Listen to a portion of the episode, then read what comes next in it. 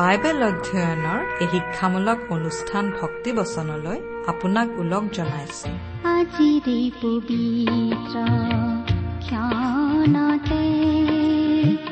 উজলি উঠা খ্ৰীষ্টৰ জ্যোতি। প্ৰিয় শ্ৰোতা আপুনি নিজকে খুব অকলশৰীয়া অসহায় অনুভৱ কৰিছে নেকি? তেন্তে আপোনালৈ আনিছো এটি সুখবৰ। সেয়া হৈছে আপোনাৰ দুখ যাতনা কষ্ট যিমানেই বেদনাদায়ক হলেও প্ৰভু যীশুৱে আপোনাৰ লগ কেতিয়াও নেৰে। তেওঁ সদায় আপোনাৰ সংগে সংগে আপোনাৰ পদে পদে আপোনাৰ সাৰথি হৈ লগতে থাকে। তেওঁক আপুনি যিকোনো পৰিস্থিতিত বিশ্বাস কৰিব পাৰে। তেওঁৰ লগত থকাত আপুনি কেতিয়াও অকলশৰীয়া আৰু অসহায় নহয়। আহক এবাৰ আকৌ আজি আমি নিজকে প্ৰস্তুত কৰোঁ ঈশ্বৰৰ জীৱনময় বাক্যৰ শিক্ষামূলক অনুষ্ঠান ভক্তিবচন শুনিবলৈ। ৰওঁ যেনি চাওঁ নুবুজো তুমি কেনে মহিমাময় এই সৃষ্টি চাই। অবাক ৰওঁ যেনি চাওঁ নুবুজো তুমি কেনে মহিমাময়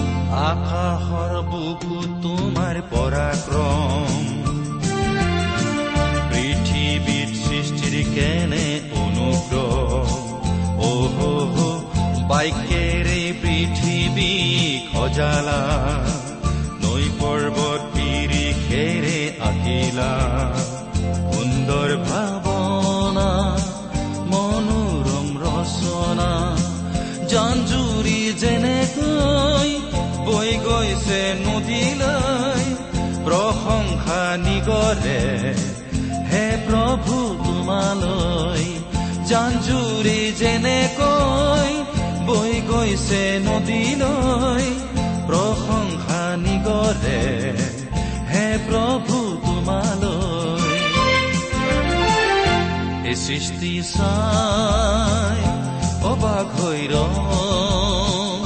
যেনি চাওঁ নুবুজো তুমি কেনে মহিমাময়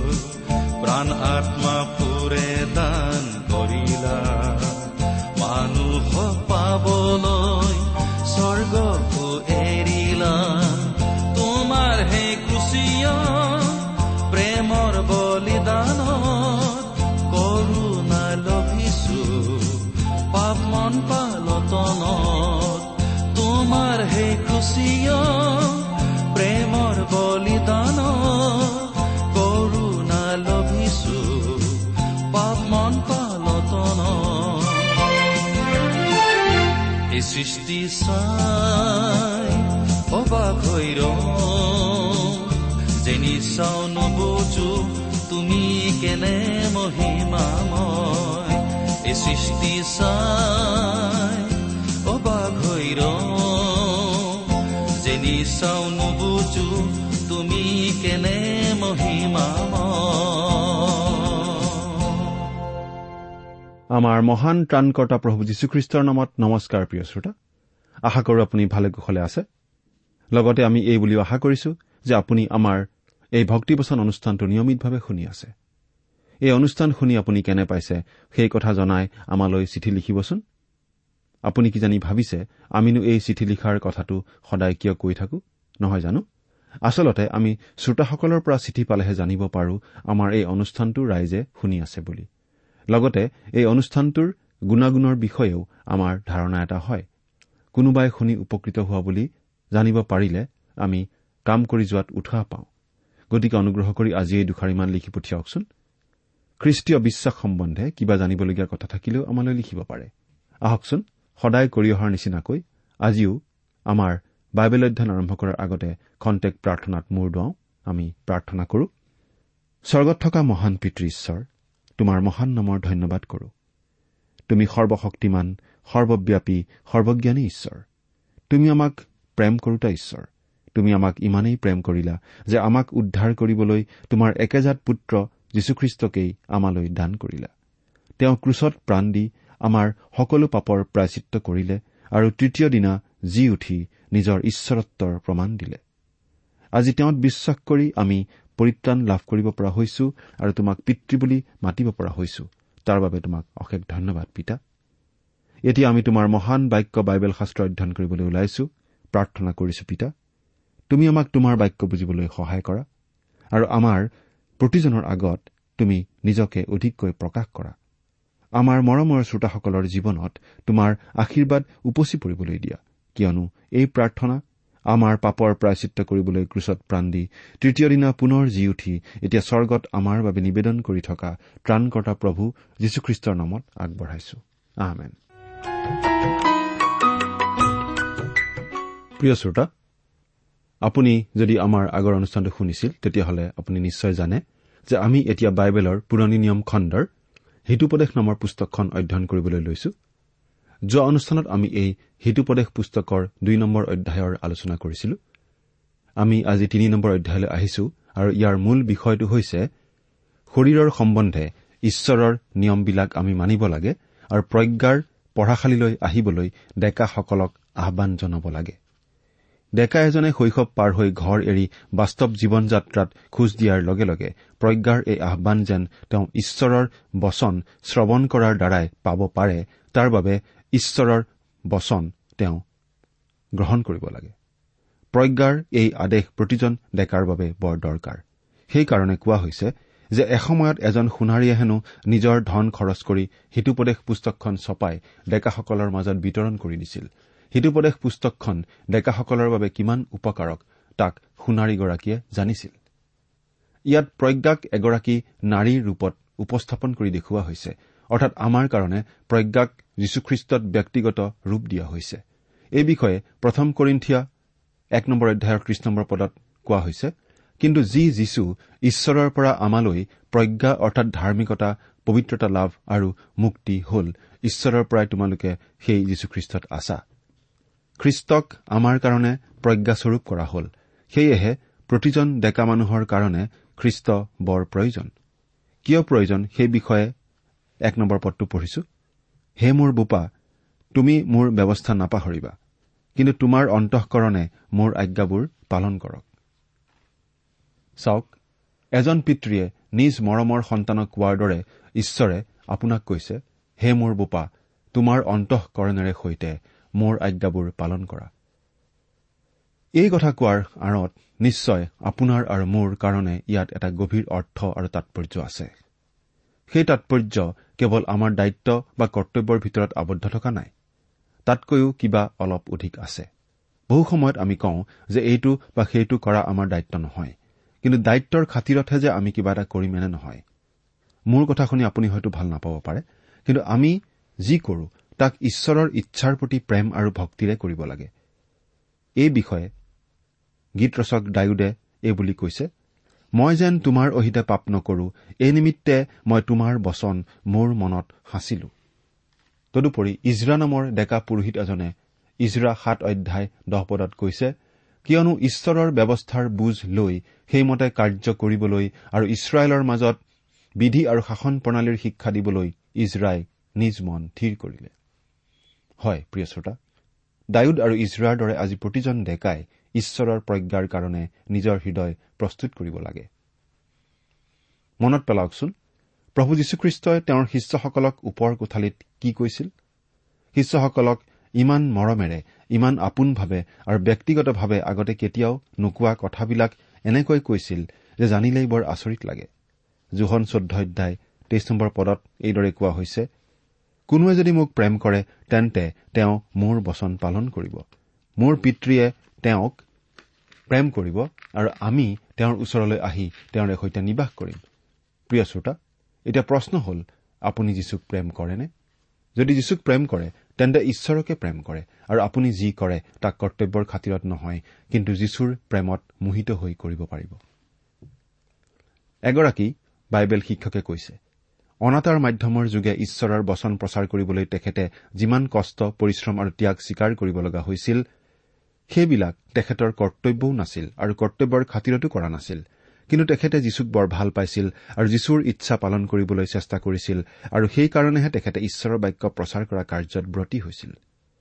চিমুন পিতৰে প্ৰভু যীশুৰ প্ৰেমৰ কথাটো ভালদৰে বুজি পাইছিল কাৰণ তেওঁ প্ৰভু যীশুক অস্বীকাৰ কৰি মৰ্মান্তিক দুখ পাইছিল সঁচা কিন্তু যীশুৱে তেওঁৰ প্ৰতি যি সন্মান প্ৰদৰ্শন কৰিছিল সেয়া আছিল অতি আচৰিত। পুনৰুত্থানৰ পাছত যীশুৱে গালিল সাগৰৰ তীৰত যি আহাৰৰ আয়োজন কৰিছিল তালৈ পিতৰ গৈছিল। যীশুৱে তেওঁক সোধা নাছিল পিতৰ তুমি মোক কিয় অস্বীকাৰ কৰিছিলা? কিন্তু কৈছিল জোনাৰ পুত্ৰ চিমুন পিতৰ তুমি মোক প্ৰেম কৰা নে? আজি যীশুৱে সেই প্ৰশ্ন আচলতে আপোনাক আৰু মোক সুধিছে আমি তেওঁক বাস্তৱিকতেই প্ৰেম কৰোনে আমি যদি সঁচাকৈ তেওঁক প্ৰেম কৰো তেন্তে আমাৰ জীৱন মধুৰ সুন্দৰ আৰু অৰ্থপূৰ্ণ হ'ব। দয়া আৰু সত্যতাই তোমাক ত্যাগ নকৰক। দুয়োকো তুমি ডিঙিত বান্ধি ৰাখা আৰু নিজৰ হৃদয়ৰূপ ফলিত লিখি থোৱা। প্ৰিয় শ্ৰোতা ঈশ্বৰে মুচিৰ যোগেদি বিধান দিছিল কিন্তু দয়া আৰু সত্যতা প্ৰভু যীশুৰ যোগেদিহে আহিল। এই দয়া আৰু সত্যতাই হ'ল অনুগ্ৰহ। দয়া আৰু অনুগ্ৰহৰ মাজত পাৰ্থক্য আছে। ধৰা হওক এটি মগনীয়াই এগৰাকী তিৰোতাৰ পৰা এখন ৰুটি খুজিলে। তিৰোতাগৰাকীয়ে যদি ৰুটিখন বনাই দিয়ে সেয়া হ'ল দয়া। ৰুটিখনৰ ওপৰত যদি অলপ ঘিউ দিয়ে সেয়া হ'ল অনুগ্ৰহ। কাৰণ ঘিউখিনি নোখোজাকৈ দিয়া হৈছে। ঠিক সেইদৰে আমিও ঈশ্বৰৰ দয়া আৰু সত্যতা পোৱাৰ যোগ্য নাছিলো কিন্তু ঈশ্বৰে আমাক দিলে। এই দুয়োটা বস্তু আমি কেতিয়াও ত্যাগ কৰিব নালাগে। চাৰিৰ পৰা ছয় নম্বৰ পদ তাকে কৰিলে তুমি ঈশ্বৰ আৰু মানুহৰ দৃষ্টিত অনুগ্ৰহ আৰু সুযশস্য পাবা। তুমি সমস্ত মনেৰে সৈতে ঈশ্বৰত ভৰসা কৰা। তুমি নিজ বিবেচনাত নিৰ্ভৰ নকৰিবা। তোমাৰ সকলো কাৰ্যত তেওঁক স্বীকাৰ কৰা। তাতে তেওঁ তোমাৰ পথবোৰ সমান কৰিব। এই কথাখিনিকে পৌলে দ্বিতীয় তিমঠীয় দুই অধ্যায়ৰ তিনি নম্বৰ পদত এইদৰে কৈছে তুমি নিজকে পৰীক্ষাসিদ্ধ লোক লাজৰ যোগ্য নোহোৱা কৰ্মকাৰী আৰু সত্যৰ বাক্য ঠিকৰূপে বিভাগ কৰাত নিপুণ লোক কৰি ঈশ্বৰৰ আগত উপস্থিত কৰিবলৈ যত্ন কৰা। ইয়াৰ দ্বাৰা ইয়াকে কোৱা হৈছে যে আমি ঈশ্বৰৰ বাক্য ভালদৰে অধ্যয়ন কৰিব লাগে। তাত থকা ঈশ্বৰৰ দয়া আৰু সত্যতাৰ কথাবিলাক বুজিব লাগে আৰু তাৰ দ্বাৰাই অনুপ্ৰাণিত হৈ ঈশ্বৰৰ ওপৰত নিৰ্ভৰ কৰি আমি আমাৰ সিদ্ধান্তবিলাক ল'ব লাগে। প্ৰতিজন ডেকাই জীৱনৰ পথত ঈশ্বৰক সাৰোগত কৰি চলিব লাগে। প্ৰিয় শ্ৰোতা তুমি সমস্ত মনেৰে ঈশ্বৰত ভৰসা কৰা। এইটো আমি ঈশ্বৰৰ নিবেদনৰূপে নহয় বৰং মৰম সনা আৰু পবিত্ৰ ধমকী হিচাপেহে ল'ব লাগে।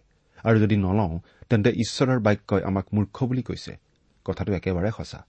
এবাৰ এজন পৰিচাৰকে ড্ৰাগছত আসক্ত কিছুমান ডেকা ল'ৰাক বুজনি দিবলৈ গৈছিল আৰু কৈছিল যে তেওঁলোকে ড্ৰাগছ খাই জীৱন ধ্বংস কৰাতকৈ সেইবোৰ এৰি ঈশ্বৰলৈ ঘূৰি আহক কাৰণ ঈশ্বৰে তেওঁলোকক অতিশয় প্ৰেম কৰে। উত্তৰত ডেকাসকলে কৈছিল যে ঈশ্বৰৰ প্ৰেম তেওঁলোকৰ দৰকাৰ নাই তেওঁলোকে নিজে নিজক ভাল পায়। চাওকচোন তেওঁলোক নিজৰ বিবেচনাত নিজে মূৰ্খ হোৱা নাইনে এগৰাকী বিখ্যাত বাইবেল শিক্ষকে কৈছে যে প্ৰথম অৱস্থাত তেখেতেও ঈশ্বৰৰ ওপৰত নিৰ্ভৰ কৰিব শিকা নাছিল। কিন্তু এবাৰ তেখেত বৰ টান বেমাৰত পৰিছিল আৰু তাৰ পৰা বচাৰ কোনো উপায় নাছিল। কোনো উপায় নাপাই তেখেতে ঈশ্বৰৰ ওপৰত নিৰ্ভৰ কৰিবলৈ ললে। তাৰমানে তেখেতে নিজকে ঈশ্বৰৰ হাতত সম্পূৰ্ণৰূপে সোধাই দিলে। অৰ্থাৎ ঈশ্বৰৰ ইচ্ছা কি তাক জানি লৈ সেইমতে কাৰ্য কৰিবলৈ আৰু প্ৰতিটো কাৰ্যৰ বাবে ঈশ্বৰৰ ধন্যবাদ আৰু প্ৰশংসা কৰিবলৈ ধৰিলে। এইদৰে তেখেতে মৃত্যুৰ পৰা ৰক্ষা পোৱাই নহয় তেখেতৰ নিজৰ জীৱনো ধন্য হ'ল আৰু আন বহুতৰ বাবেও আশীৰ্বাদ হ'ল। মুঠি ছয় অধ্যায় বাইছ পদত কৈছে তোমাৰ চকু যদি ভালে থাকে তেন্তে তোমাৰ গোটেই শৰীৰ দীপ্তিময় হয়। কথাটো সঁচা। চকু ভালে থাকিলে হাতে ভালদৰে কাম কৰিব পাৰে আৰু ভৰিয়েও ঠিকমতে খোজ দিব পাৰে। ঠিক সেইদৰে আমি যদি ঈশ্বৰত ভৰসা কৰো তেন্তে ঈশ্বৰৰ পথেই আমাৰ পথ হ'ব আৰু আমাৰ জীৱন ধন্য হ'ব।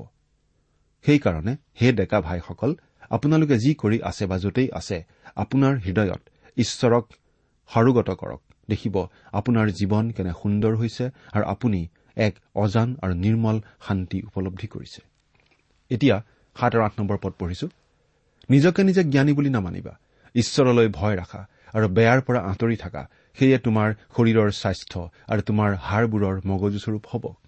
আমি যদি সঁচাকৈ ঈশ্বৰৰ এই কথা পালন কৰো তেন্তে আমাৰ নৈতিক উন্নতি হ'বই আৰু তাৰ লগে লগে শাৰীৰিক স্বাস্থ্যও ভাল হ'ব সেই কথাত কোনো সন্দেহ নাই। প্ৰিয় শ্ৰোতা এতিয়া ন আৰু দহ নম্বৰ পদ্ধতি পঢ়িছো। তোমাৰ সম্পত্তিৰে ঈশ্বৰক আদৰ কৰা আৰু তোমাৰ সকলো আয়ৰ আগভাগেৰে ঈশ্বৰক সন্মান কৰা। তাতে তোমাৰ ভঁৰালবোৰ বহু শস্যৰে পৰিপূৰ্ণ হ'ব আৰু তোমাৰ দ্ৰাক্ষাকুণ্ড দ্ৰাক্ষাৰসেৰে উপচি পৰিব। এই পদ্ধতিৰ যোগেদি কোৱা হৈছে যে পাৰ্থিৱ সম্পত্তিৰ আশীৰ্বাদৰ সৈতে আম্মিক তাৎপৰ্য জড়িত আছে। ইয়াৰ যোগেদি সকলো প্ৰকাৰে ঈশ্বৰৰ হাতত সোধাই দিয়া কথাটো বুজোৱা হৈছে। মন কৰক যে ঈশ্বৰে ইছৰাইলক যেতিয়া কণান দেশখন দিছিল তেতিয়া তেওঁ কৈছিল এই দেশ মোৰ মই তোমাক দিছো। সেইকাৰণে ইছৰাইলীয়সকলে ভূমিত উৎপাদিত বস্তুৰ দহ ভাগৰ এভাগ ঈশ্বৰৰ কাৰণে দান কৰিছিল। শস্যৰ প্ৰথম ফলৰ পৰাই তেওঁলোকে সেই দান আগবঢ়াইছিল কাৰণ ভূমিৰ গৰাকী আচলতে ঈশ্বৰ। এয়া আছিল ঈশ্বৰৰ প্ৰতি তেওঁলোকৰ সম্পূৰ্ণ সমৰ্পণৰ প্ৰমাণ। আজি আপুনি যদি আপোনাৰ উপাৰ্জনৰ পৰা ঈশ্বৰলৈ দান নিদিয়ে তেন্তে তেওঁৰ হাতত পুৰা মাত্ৰাই সোধাই দিয়া বুলি আপুনি দাবী নকৰিব কাৰণ ঈশ্বৰে দিয়া কাৰণহে আপুনি পাইছে। কিছুমানে ক'ব বিচাৰে যে বৰ কঠোৰ পৰিশ্ৰম কৰিহে তেওঁলোকে অলপ উপাৰ্জন কৰিছে। গতিকে তাৰ পৰা ঈশ্বৰক দিয়াটো সম্ভৱ নহয়। কিন্তু কথা হ'ল কাম কৰিবলৈ হাত ভৰি আপোনাক কোনে দিছে? ঈশ্বৰে দিয়া নাই জানো? নাইবা কৰা কামটো আপোনাক কোনে দিছে? প্ৰিয় শ্ৰোতা আপোনাৰ যি আছে আৰু যি পাইছে তাৰ গৰাকী হৈছে ঈশ্বৰ।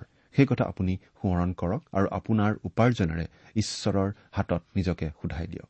এই কথা শুনি কোনোবাই হয়তো ইয়াক এক প্ৰকাৰ ভাৰ বুলি ভাবিব পাৰে। কিন্তু এয়া কোনোমতে ভাৰ বা বুজা নহয়। এয়া হ'ল ঈশ্বৰৰ প্ৰতি এক প্ৰেমৰ চিন। অকল দীঘলীয়া প্ৰাৰ্থনা এটাই ঈশ্বৰৰ প্ৰতি প্ৰেমৰ চিন নহয়। প্ৰাৰ্থনাৰ লগতে আপুনি কিমান ত্যাগ কৰিব পাৰে এই কথাও জড়িত হৈ আছে। এগৰাকী বিখ্যাত বাইবেল শিক্ষকে কৈছে যে বহু বছৰ ধৰি পালক কাম কৰি তেখেতে বুজি পাইছে যে যিসকল লোকে বেছি কথা কয় আৰু মণ্ডলী চলোৱাত আগভাগ ল'ব খোজে তেওঁলোকে বেছি দান দিব নোখোজে। কিন্তু যিসকলে আনন্দ মনেৰে ঈশ্বৰক দিয়ে ঈশ্বৰেও উপচি পৰাকৈ তেওঁলোকক আশীৰ্বাদ কৰিম বুলি প্ৰতিজ্ঞা কৰিছে।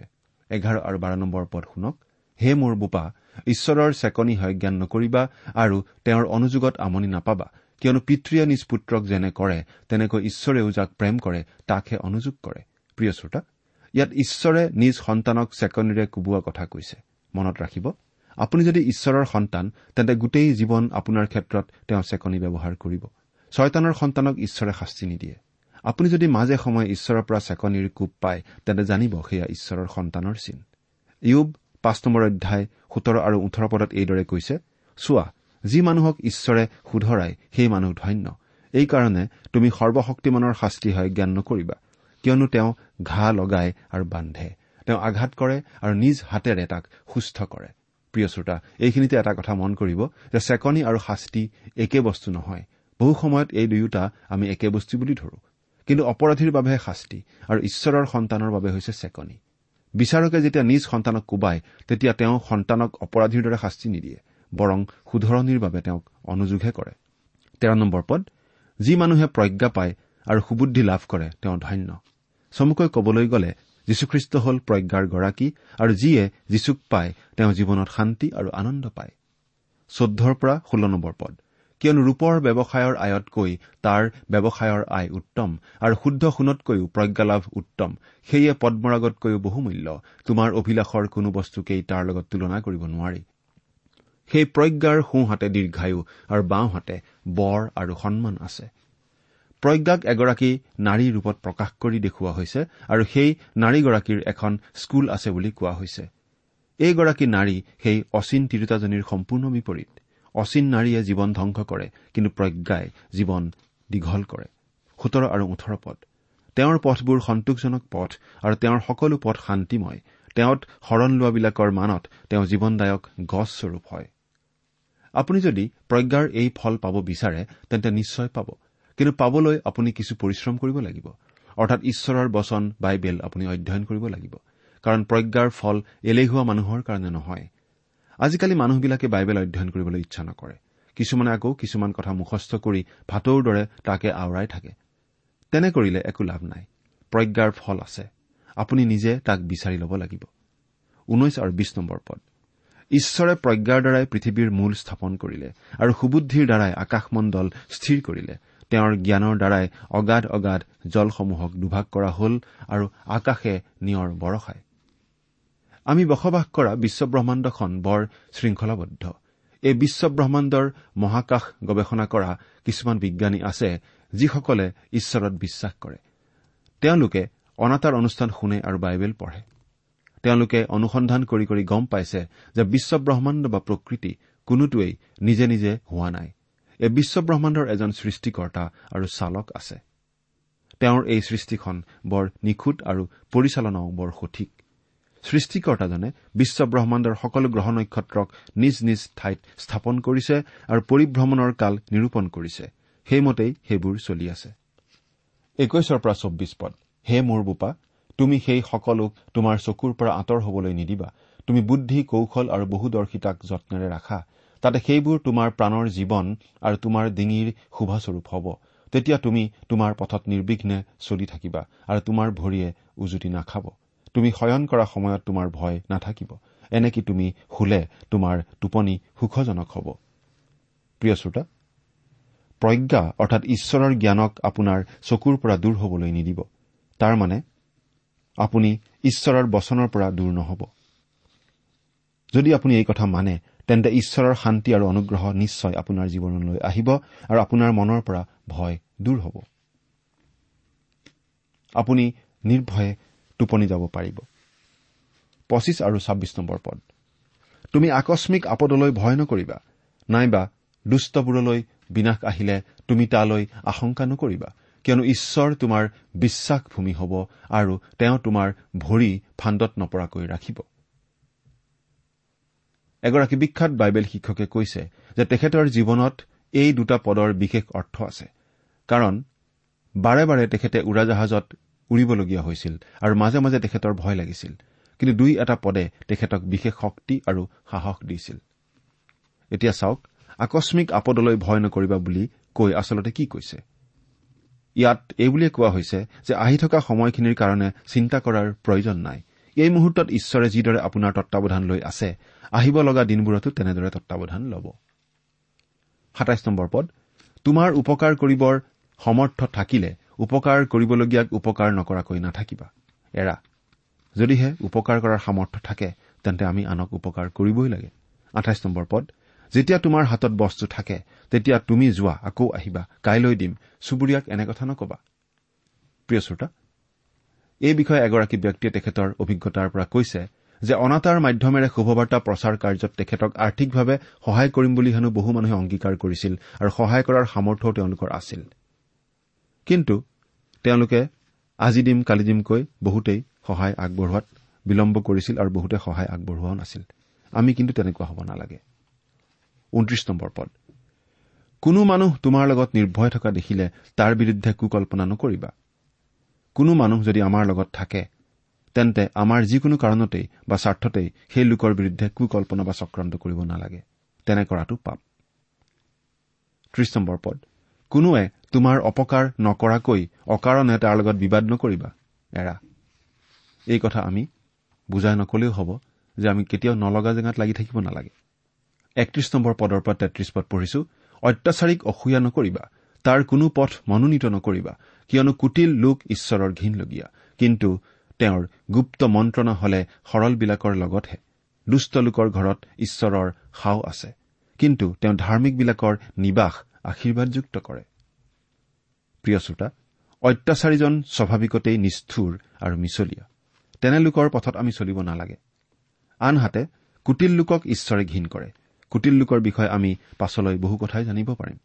এই বিষয়ে আমি আলোচনা নকৰো হওক কিন্তু দুষ্ট লোকৰ বিচাৰ ঈশ্বৰে নকৰাকৈ নাথাকে। চৌত্ৰিশ আৰু পঁয়ত্ৰিশ পদ। নিশ্চয় তেওঁ নিন্দকবোৰক নিন্দা কৰে কিন্তু নম্ৰবিলাকক অনুগ্ৰহ দান কৰে। জ্ঞানীবিলাক মৰ্যাদাৰ অধিকাৰী হয় কিন্তু অজ্ঞানবোৰৰ উন্নতি লাজেই। প্ৰিয় শ্ৰোতা ঈশ্বৰে নিন্দক আৰু দাম্ভিকবোৰক ঘীন কৰে। গতিকে আপুনিও ইয়াৰ ভিতৰতে এজন নেকি চিন্তা কৰক। যদিহে হয় ইয়াৰ পৰা উদ্ধাৰ কৰিবলৈ আপুনি ঈশ্বৰৰ ওচৰত প্ৰাৰ্থনা কৰক। ঈশ্বৰে আপোনাক জ্ঞানী কৰিব। ধনী হোৱাতকৈ জ্ঞানী হোৱা অতি উত্তম। কাৰণ ধনীক ঈশ্বৰে বিচাৰ কৰে কিন্তু জ্ঞানীক হলে আশীৰ্বাদেৰে মৰ্যাদাপূৰ্ণ কৰে। প্ৰিয় শ্ৰোতা আশা কৰো এই অনুষ্ঠান শুনি আপুনি ঈশ্বৰৰ হাতত নিজকে সমৰ্পণ কৰিব আৰু ঈশ্বৰেও নিজ পথত আপোনাক চলাই লৈ যাব। পৰৱৰ্তী অনুষ্ঠানত পুনৰ লগ পোৱাৰ আশাৰে আজিলৈ ইমানতেই সামৰিছো। ঈশ্বৰে আপোনাক আশীৰ্বাদ কৰক। নমস্কাৰ। প্ৰিয় শ্ৰোতা ইমান পৰে আপুনি বাইবেল শাস্ত্ৰৰ পৰা ঈশ্বৰৰ বাক্য শুনিলে এই বিষয়ে আপোনাৰ মতামত জানিবলৈ পালে আমি নথৈ আনন্দিত হ'ম। আমি প্ৰস্তুত কৰা বাইবেল অধ্যয়নৰ চিডিসমূহ পাব বিচাৰিলে আৰু অনুষ্ঠানত প্ৰচাৰ কৰা কোনো কথা বুজিব লগা থাকিলেও আমালৈ লিখক। আমাৰ যোগাযোগৰ ঠিকনা ভক্তিবচন ট্ৰান্সপল ৰেডিঅ' ইণ্ডিয়া ডাক বাকচ নম্বৰ সাত শূন্য গুৱাহাটী সাত আঠ এক শূন্য শূন্য এক।